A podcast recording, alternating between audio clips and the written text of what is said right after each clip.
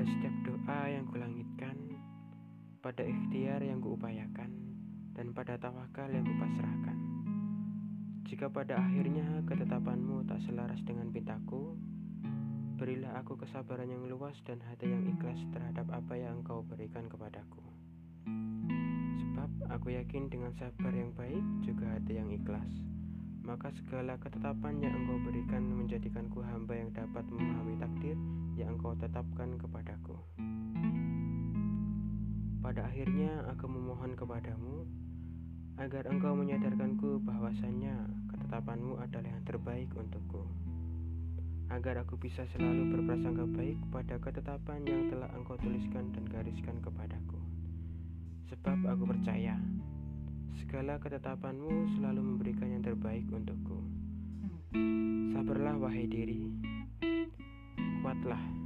dan terus bertahan. Kamu lebih kuat dari apa yang kamu tahu.